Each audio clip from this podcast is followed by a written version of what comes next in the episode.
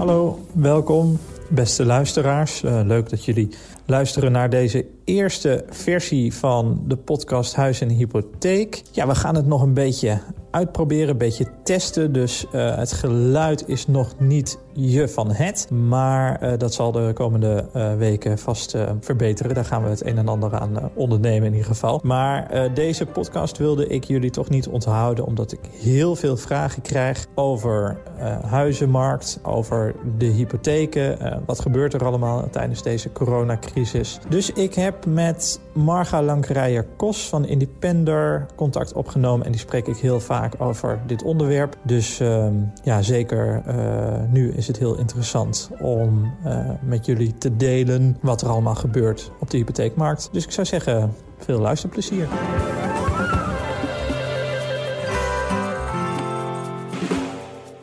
Sta jij op het punt om een huis te kopen, of zou je dat in de toekomst graag willen doen, dan staat je een hele studie te wachten. De hypotheekmarkt is complex en constant in beweging, zeker in deze tijd.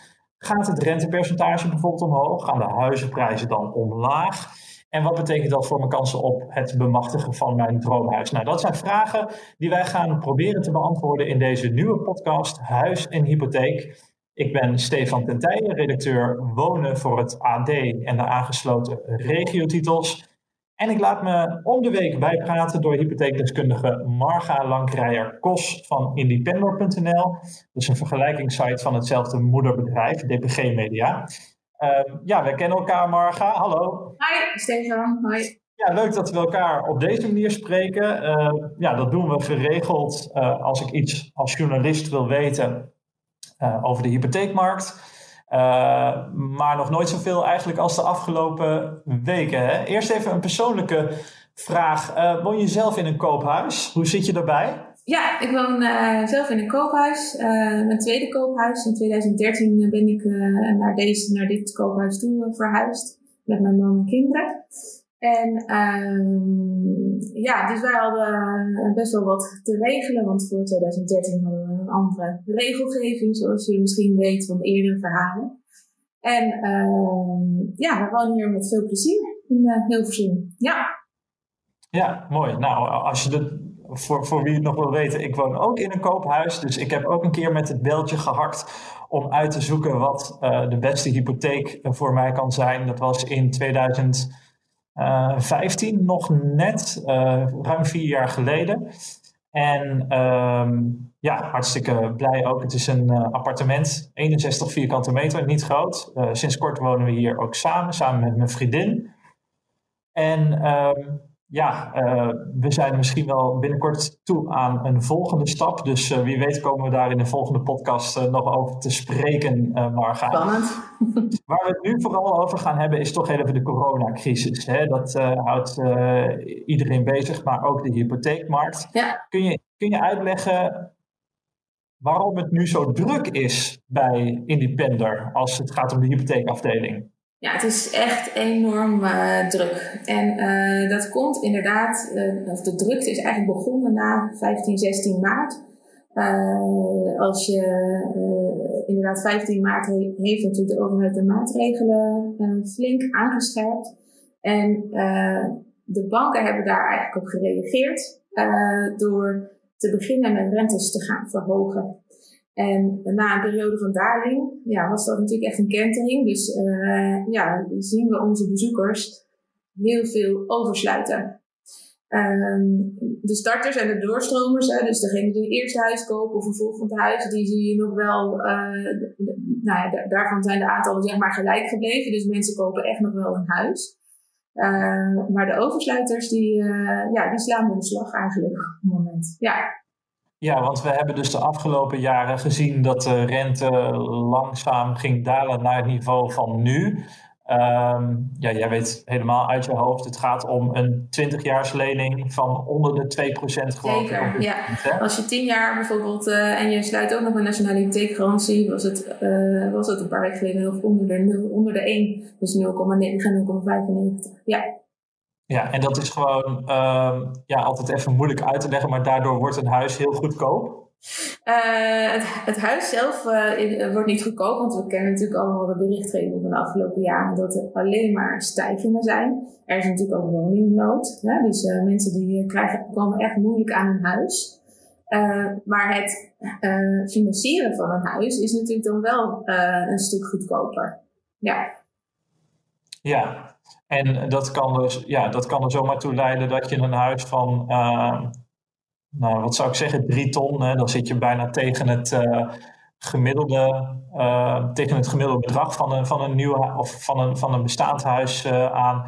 Dat je, dat je daar aan rente ja, slechts 300 euro, 400 euro in de maand voor kwijt bent. Ja, het is, het is echt, de maandlasten zeg maar, van de nieuwe kopers die liggen echt wel heel fors laag. Maar aan de andere kant moet je natuurlijk ook weer een vrij duur huis kopen. Dus, ja, ja. Maar met die oversluiters, die, ehm, ja, die hebben natuurlijk al een hypotheek en die hebben waarschijnlijk al een deel afgelost van die hypotheek. Maar die hebben nog wel te maken met een hoog rentepercentage, wat normaal gesproken ja, 10, 10 20, 30 jaar vast uh, ligt. En als ze een beetje tegen het einde van die periode aan zitten, dan kunnen ze dus zonder een al te hoge boete ehm, eh, kunnen, kunnen ze het oversluiten naar een lager rentepercentage en zakken hun maandlasten dus. En, en, en dit is het moment dat zij zeggen van nu ga ik overstappen. Ja, er zijn heel veel mensen die de rente uh, echt dagelijks in de gaten houden. Uh, al, al maanden. Omdat ze denken, ja, die lage rente, als zodra die op zijn laagste is, zet ik hem vast. Dan wil ik, wil ik echt oversluiten. En uh, het zijn inderdaad mensen die richting het einde van hun rentevastperiode lopen bijvoorbeeld. Maar het zijn ook mensen die best nog wel forse boeterentes betalen. En ook dan kan het wel uit. Kijk, als je echt over tienduizenden euro's gaat praten, dan moet je het echt even heel goed laten berekenen. En bekijken ook wat je wensen zijn natuurlijk. Maar ja, we zien ja, boeterentes van bijvoorbeeld 15.000, 20.000 euro voorbij komen. Uh, waarbij het nog steeds uit kan om over te sluiten. Want als je een rente van 4% had bijvoorbeeld, en je gaat nu naar anderhalf, uh, voor bijvoorbeeld 20 jaar, dan heb je en de zekerheid van ja, langere uh, vaste lasten. En je gaat ook nog eens flink naar beneden. Ja, toch zat ik er laatst even naar te kijken en die rente die gaat nog helemaal niet zo heel erg omhoog. Hè? Waar, waar, waar hebben we het eigenlijk over? Ja, je hebt natuurlijk, uh, waardoor, dat, waardoor dat komt, hè, er wordt natuurlijk veel uh, nou, pers om, om, gemaakt natuurlijk. Uh, en het is echt een kentering. hypotheekaanbieders hebben heel veel verschillende rentepercentages en heel veel verschillende klasses. En soms zeggen ze van ja, we doen alleen, alleen maar drie klasses omhoog van de misschien wel 50. Um, maar je ziet nu dat eigenlijk bijna alle banken, uh, op de Duitse Volksbank en, een label van Hypotrust uh, na, eigenlijk over alle linies hebben verhoogd. Uh, maar dat gaat dan met 0,03, 0,05. Dus dat gaat mondjesmaat. Maar we zien ook afgelopen week dat er steeds meer renteverhogingen ja, binnenkomen. Uh, maar gemiddeld is het dan ongeveer 0,15, wat je bijvoorbeeld bij 10 jaar uh, uh, ziet, wat dat gestegen is inderdaad. Ja, en dan laat je je rente dus voor 10 jaar vastleggen. En dan is die 0,15% gestegen. Waar, waar heb je het dan over in orde van grootte qua maandlasten? Nou, een paar honderd euro per jaar. Dus zeg maar, als je een hypotheek hebt van 250.000 euro, dan zou je ongeveer 350 euro per jaar, bruto, hè, want daar hebben we het natuurlijk over. Zonder belastingaftrek zou je uh, meer, meer gaan betalen als je nu afsluit in plaats van op 15 maart. Ja, bruto. En ja, je krijgt dan ook een iets groter gedeelte terug van de belasting natuurlijk. Uh, ja, maar dat is natuurlijk met die 0,15 heel erg verwaarloosbaar. Uh, ja. Ja.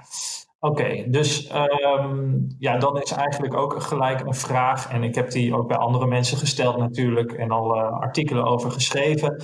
Uh, gaan dan de huizenprijzen omhoog? En want uh, op het moment dat het duurder wordt om een hoge hypotheek af te sluiten, ja, dan kunnen minder mensen een bepaalde prijs voor een huis betalen, krijg je minder concurrentie en kunnen die huizenprijzen dalen. Ik kreeg de indruk toen ik daar met ook andere experts nog over sprak dat, dat we zover nog lang niet zijn. ja, ik, ik spreek natuurlijk ook met andere experts. En je zou het verwachten, als de rente omhoog gaat, dan uh, inderdaad gaan de, prijzen omlaag. Maar je ziet nu nog, uh, hè, ze zien nu natuurlijk wel minder kijkers door ook de maatregelen, dus bij, bij de woningen. Uh, maar de kijkers die er zijn, die zijn serieus en die kopen nog. Maar hoe dat over bijvoorbeeld twee maanden zou zijn, ja, dat moeten we even afwachten. Ja, um, twee maanden is dan misschien nog steeds te vroeg. Ik sprak bijvoorbeeld Peter Boelhouwer, huizenmarktdeskundige, die zegt van nou, waarschijnlijk ga je die effecten dan pas minimaal over een half jaar zien. Want wat gebeurt er? Mensen die hun huis te koop hebben staan, die gaan niet op het moment dat het huis niet direct verkocht wordt, ook direct die prijs uh, verlagen. Daar zullen ze in ieder geval een aantal maanden uh, op wachten. Tenzij je misschien een, een, een nieuw huis al hebt gekocht en je wil hem echt heel snel graag kwijt. dat zou natuurlijk kunnen, maar over het algemeen wacht je dan even met het verlagen van de prijs. En wat ik van makelaars terugkrijg, is dat er sowieso nog steeds een groep mensen is die heel graag wil verhuizen. En dat kan nu ook nog. Hè? Het is niet zo dat er uh, ineens heel veel werklozen bij zijn gekomen. Nog uh, niet, nog niet. Nog niet, nog niet. Uh, uiteraard wel die groep eh, ZZP'ers en flexwerkers. maar dat is een groep die toch al moeite had om een hypotheek te krijgen over het algemeen. Hè? dus wat makelaars zien is dat er niet 30 mensen voor één huis in de rij staan, maar, maar nog maar 10 of 20. Maar dat zijn er nog altijd tien of twintig die dus tegen elkaar kunnen opbieden. En die zijn ook, nog, die zijn ook dus heel serieus. En, ja, dat die, uh, en die betalen de prijs wel. Want nou, wat ik net al zei, er is woningcrisis of woningnood. Uh, uh, ja, er zijn nog steeds veel te weinig huizen voor veel, veel mensen die gewoon een eigen huis willen. Denk aan de starters bijvoorbeeld. Hè, die, die kunnen meestal maar tot een bepaald bedrag lenen. En ja, die zien alle huizen voor zich ja, weggekaapt worden eigenlijk. En misschien zullen er wel minder beleggers op de, uh, op de markt zitten, zodat ze daar iets meer kans maken. Ik hoop het voor Ja, ook daar wordt over getwijfeld, omdat uh, vastgoed nog altijd, uh, nou, misschien zelfs zeker in deze tijd, een aardig rendement kan opleveren. zeker als je aandelen hebt, dan zie je dat het een stuk onzekerder is op dit moment. Um, maar goed, dat zullen we uh, zien. Je ziet toch dat er echt een grote behoefte is, merk ik ook hoor, van collega's en vrienden. Die komen dan ook bij mij uh, met vragen van, uh, ja, gaan de huizenprijzen nou dalen? Of gaat die rente nog verder stijgen? Is er iets te zeggen over die verwachtingen ook, als we het over het rentepercentage hebben? heel lastig. want ja, je ziet dat inderdaad doordat, doordat de aanbieders verwachten dat ze iets meer risico lopen, dat ze daardoor eigenlijk de rente omhoog uh, doen. En uh, je, je, je weet niet wat er dus met de recessie, hè, wat, of er een recessie komt, wat er met de kapitaalmarktrente, die de hypotheekrente eigenlijk heel voor een groot deel bepaalt, uh, gaat doen. Um, voorspellingen, ja, als ik het wist, dan ja, was het eigenlijk. Ja. Ja, ja. Want als het een soort natuurwetten zijn, dan is het eigenlijk logisch dat die rente omhoog zou gaan. Maar juist omdat uh, de Europese Centrale Bank um, nou, min of meer in de, in, de, in de bewoordingen van wat er ook gebeurt, we gaan nog steeds geld pompen in de e economie. Um, omdat omdat uh, Christine Lagarde van de ECB dat, dat heeft gezegd, ja, is die verwachting eigenlijk ook een stuk minder waard. Want wat zie je gebeuren op het moment dat die kapitaalmarktrente omhoog gaat? Hè, omdat veel bedrijven willen, uh, willen lenen, omdat ze met uh, tekorten zitten. Uh, ja, dan gaat die automatisch iets omhoog. Maar de ECB die koopt dan al die schulden af. En daar stoppen ze echt honderden miljarden euro's in. En op die manier wordt die weer kunstmatig naar beneden gebracht. En ik sprak zelfs een hypotheekadviseur vorige week die, die zei van, nou, ik zie ook nog wel gebeuren dat de rente zelfs weer, ook de hypotheekrente, weer iets omlaag gaat. Uh, hè, juist op het moment dat al die schulden zijn afgekocht, hè, nou, dan staan uh, alle schuldeisers uh, in, in de rij. En op een gegeven moment zijn de hypotheekverstrekkers aan de beurt. Ja, kijk, en, dat, en als die kapitaalmarktrente dus wel, hè, hij, hij kabbelt nu een beetje. Maar als die dus inderdaad wel weer door alle maatregelen van de ECB wel weer omlaag gaat, het bepaalt toch echt hè, voor een groot deel die hypotheekrente. Dus ja, het kan uh, vis of dood, zeg maar. Ja. we moeten het echt afwachten. Ja. Nou, dan is er uh, behalve de hypotheekrente en de huizenprijzen, zijn er ook nog andere uh, zorgen, kan ik me voorstellen. Um, ja, hoe behoed je mensen voor te grote risico's in deze tijd? Kijk, als je een hypotheek uh, gaat afsluiten, dan is het eigenlijk altijd al normaal dat je als in, in, onze hypotheekadviseurs bijvoorbeeld, die bespreken altijd de risico's met de klant. En dat is het risico op overlijden bijvoorbeeld. Maar met name ook het risico op werkloosheid of arbeidsongeschiktheid. Nou, in dit geval is werkloosheid de komende tijd is best wel een onderwerp van gesprek, denk ik. Um, en wat, wat handig is, is gewoon om je, uh, hè, of je nou zelf gaat afsluiten of een adviseur helpt je daarbij, uh, is dat je het inzicht hebt in wat er nu gebeurt met jouw inkomen als je werkloos wordt. En hè, welk percentage van jouw inkomen heb je dan nog over? En wat kan je dan uiteindelijk aan hypotheek betalen? Dus dat is belangrijk. Uh, Hoe weet je dat? Bij, bij wie moet je dan zijn om daar nou, achter te komen? Uh, WW is bijvoorbeeld 70% van jouw inkomen. Hè? Dus dat, dat kan je eigenlijk al berekenen. Maar heb je bijvoorbeeld een vrij hoog inkomen, dan val je nog verder terug. En dat zou je bijvoorbeeld aan je adviseur kunnen uh, vragen. Um, wat een adviseur ook altijd uh, vraagt is van, hé, maar hè, wil je wel maximaal financieren? Want wat is eigenlijk het bedrag wat je per maand wil uitgeven aan je hypotheek en moet je je daar niet aan vasthouden? Dus stel je mag volgens de regels 900 euro uitgeven per maand, um, maar zelf vind je 700 euro eigenlijk wel wat veiliger. Nou, moet je je daar niet aan vasthouden. En als je daar naar boven, als je daar boven gaat zitten, wat, ja, wat ga je dan eigenlijk daarvoor laten?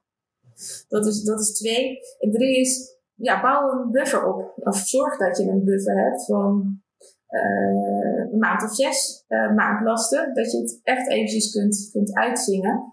En het Nibud zegt natuurlijk ook altijd van, hè, je moet eigenlijk 1 of 10% van je inkomen wel proberen te sparen om de eerste uitgaven, de, de wasmachine of de auto die kapot gaat of dat soort ja, onverwachte dingen, dat je die, uh, uh, die spaarpot nog wel houdt en blijft aanvullen.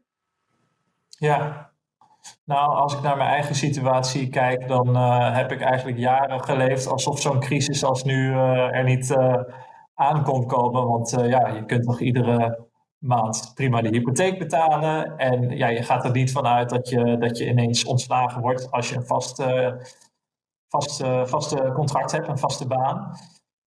Uh, dus, dus dit is wel echt even een aandachtspuntje voor iedereen persoonlijk. Ja, inderdaad. Ook voor mij. Ja, echt. Het, het, het, aanhouden van een buffer is natuurlijk hartstikke moeilijk. Want je moet daar echt wel heel consequent in, in zijn. Maar je zou ook kunnen zeggen, uh, bijvoorbeeld de overwaarde die, uh, die je moet inbrengen. Of de schenking die je eventueel krijgt. Dat je die voor 90% inzet, bijvoorbeeld. Om te zorgen dat je die buffer aanhoudt. Maar let dan wel even op de belastingregels natuurlijk. Hè? Maar goed, de, rente is zo laag, dat, dat scheelt niet zoveel. Uh, maar dat zou natuurlijk ook een oplossing uh, kunnen zijn. Ja, dan uh, toch heel even over die risico's van werkloosheid en zo. Wat zie je in de hypotheekmarkt? Hypotheekverstrekkers, zijn die zich al aan het indekken? Zijn ze hun voorwaarden aan het aanpassen? Zodat zij zo meteen niet met problemen zitten dat mensen hun hypotheek niet meer kunnen betalen? Allereerst natuurlijk de rente, hè, die hebben we net uh, gehad. Uh, die reageert daarop. Uh, we zien ook partijen met acceptatiecriteria die dat, die dat eigenlijk gelijk aanpassen. De meeste geldverstrekkers, bijna allemaal, stellen extra vragen als je ZZP'er of ondernemer bent. En die vragen gaan dan vooral over, uh, ja, is jouw business geraakt? Of uh, direct of indirect geraakt? En wat verwacht je dan aan omzet te krijgen? Of wat, wat verwacht je, uh, gaat jouw baan nog door? En we zien steeds meer geldverstrekkers die dat eigenlijk bij alle klanten ook nu vragen. Um, ook als je een vaste baan hebt dus? ook als je een, een vaste baan hebt, maar met name bij tijdelijke contracten. Zoals je in de kinderopvang werkt of in de horeca of uh, in de reisbranche. Ja, dan, ehm, en, en het ziet eruit zichtloos uit, hè, want je moet daar best wel wat vragen over beantwoorden. Dan hebben we het nog niet gezien, maar dat, dan verwacht ik echt wel dat de geldverstrekker zegt, nou, we gaan je of niet financieren, of we lenen je bijvoorbeeld 50.000 euro minder. Ja, want is dat iets waar uh, Independer heeft zelf ook hypotheekadviseurs in dienst, waar, waarvan jullie zeggen van nou uh, ja, meneer of mevrouw, uh, ja, u werkt in de horeca, misschien is het niet zo verstandig om nu een hypotheek af te sluiten. Het is best wel een harde boodschap misschien. ja, maar... klopt. We, we, keken eigenlijk altijd al naar branches, hè, van hey, ja, houd de klant, houd rekening met dat, dat je niet altijd een vast contract krijgt of iets dergelijks. Dus het is eigenlijk altijd al onderdeel van het advies. Uh, maar nu is dat eigenlijk nog wat scherper, omdat je ziet dat dat in meerdere branches uh, zo geldt. En ja, dan kan het dus ook zijn dat wij in het advies zeggen, ja, we gaan niet met elkaar verder, want het is eigenlijk onverantwoord om een uh, hypotheek te verstrekken. Ja. Ja. Nu heb ik zelf ook een bank benaderd om te kijken of dat ik voor mezelf eventueel een nieuwe hypotheek zou kunnen nemen. En ik heb natuurlijk al mijn huidige woning. Daar zit inmiddels overwaarde op. Ik ga ervan uit. Ja, ik heb echt heel veel geluk gehad met uh, het moment dat ik dit huis heb kunnen kopen. Want ik kon toen nog onderhandelen over de prijs. Uh, hij stond voor 162.500 en uiteindelijk heb ik 157.500 uh, betaald. En moet je er vast wel wat aan verspijkeren? Uh, nee, nee, het was eigenlijk uh, instap klaar. Dus, uh, oh, deze, ja. dit appartement, ja. Ja, dit appartement, ja, sorry, ja, ja dit appartement. Dus daar heb ik het over vier, vier en een half jaar geleden. Um, ik heb de huizenprijzen sindsdien enorm zien stijgen. Hè? Dus dat is eigenlijk achteroverleunen en rijker worden. Het is heel, heel raar eigenlijk om mee te maken. Um, uh, maar goed, uh, ik heb er natuurlijk nog niks aan tot op het moment dat het uh, is verkocht. Maar ik ga wel uit nu van een overwaarde van zo'n 50.000 euro. Als ik dan een nieuw huis zou kopen, dan zou ik die 50.000 euro weer moeten inzetten. Hè, om die, hypotheek naar, ja, ja. Die, die hypotheek naar beneden te krijgen. Um, maar wat ik merkte bij die bank was dat hij al zei van nou, uh, misschien dat we niet, hè, normaal gesproken nemen we de overwaarde van 90% mee in het hypotheekadvies, maar we gaan inmiddels wel uit van 80%. Nou, daarin zie je dus al dat ook hypotheekverstrekkers een beetje uh, speculeren of um, zich voorbereiden op een mogelijke terugval van de huizenprijzen. Hè? Zie, je dat, zie je dat breder? Of? Ja, dat zien we bij, nu bij vijf banken. Uh, die hebben okay. of gezegd wij doen helemaal geen overbruggingshypotheek meer als het, ja, de oude woning nog niet verkocht is. Als die wel verkocht is, ja, dan is het natuurlijk best wel zeker. Dus dan, dan kun je gewoon alle overwaarden uh, in een overbruggingshypotheek stoppen. Uh, dus we hebben volgens mij vier verstrekkers die zeggen, we doen het niet meer. En we hebben één verstrekker die zegt, ja, in plaats van 100 ga ik naar 90% van de overwaarde. Uh, die wil ik financieren uh, totdat het huis verkocht is. Ja. Maar helemaal niet meer. Dat is wel echt, echt heftig. Hè? Zeker als je, als je jezelf rijk rekent nu met een, met, met een overwaarde, zoals ik misschien ja, klopt. al doe. Ja. Maar zijn dat de grote banken? Of, uh... Nee, het zijn geen grote banken. Uh, maar ik uh, heb al een adviseur gesproken die zei, ja, ik loop er tegenaan. we moeten even oppassen dat, dat we in ons advies, dus die partijen, als mensen dat nodig hebben, niet meer meenemen. Ja. ja. Dus dan zie je dat er toch echt wel iets aan de gang is nu in hypotheekland. Ja. Nou, we zullen het er uh, de volgende keer uh, weer over hebben. Ik hoop dat uh, mensen toch al een beetje bijgepraat zijn uh, naar aanleiding van dit gesprek. Ja. En ehm, nou ja, de volgende keer zullen we het ongetwijfeld ook weer even over de coronacrisis hebben. want dat is over twee weken dat we elkaar weer spreken. Um, maar dan zullen we ook nog andere thema's wat uitgebreider belichten. tegen de luisteraars en kijkers via de website zeg ik uh, bedankt voor het kijken en tot de volgende. Tot ziens.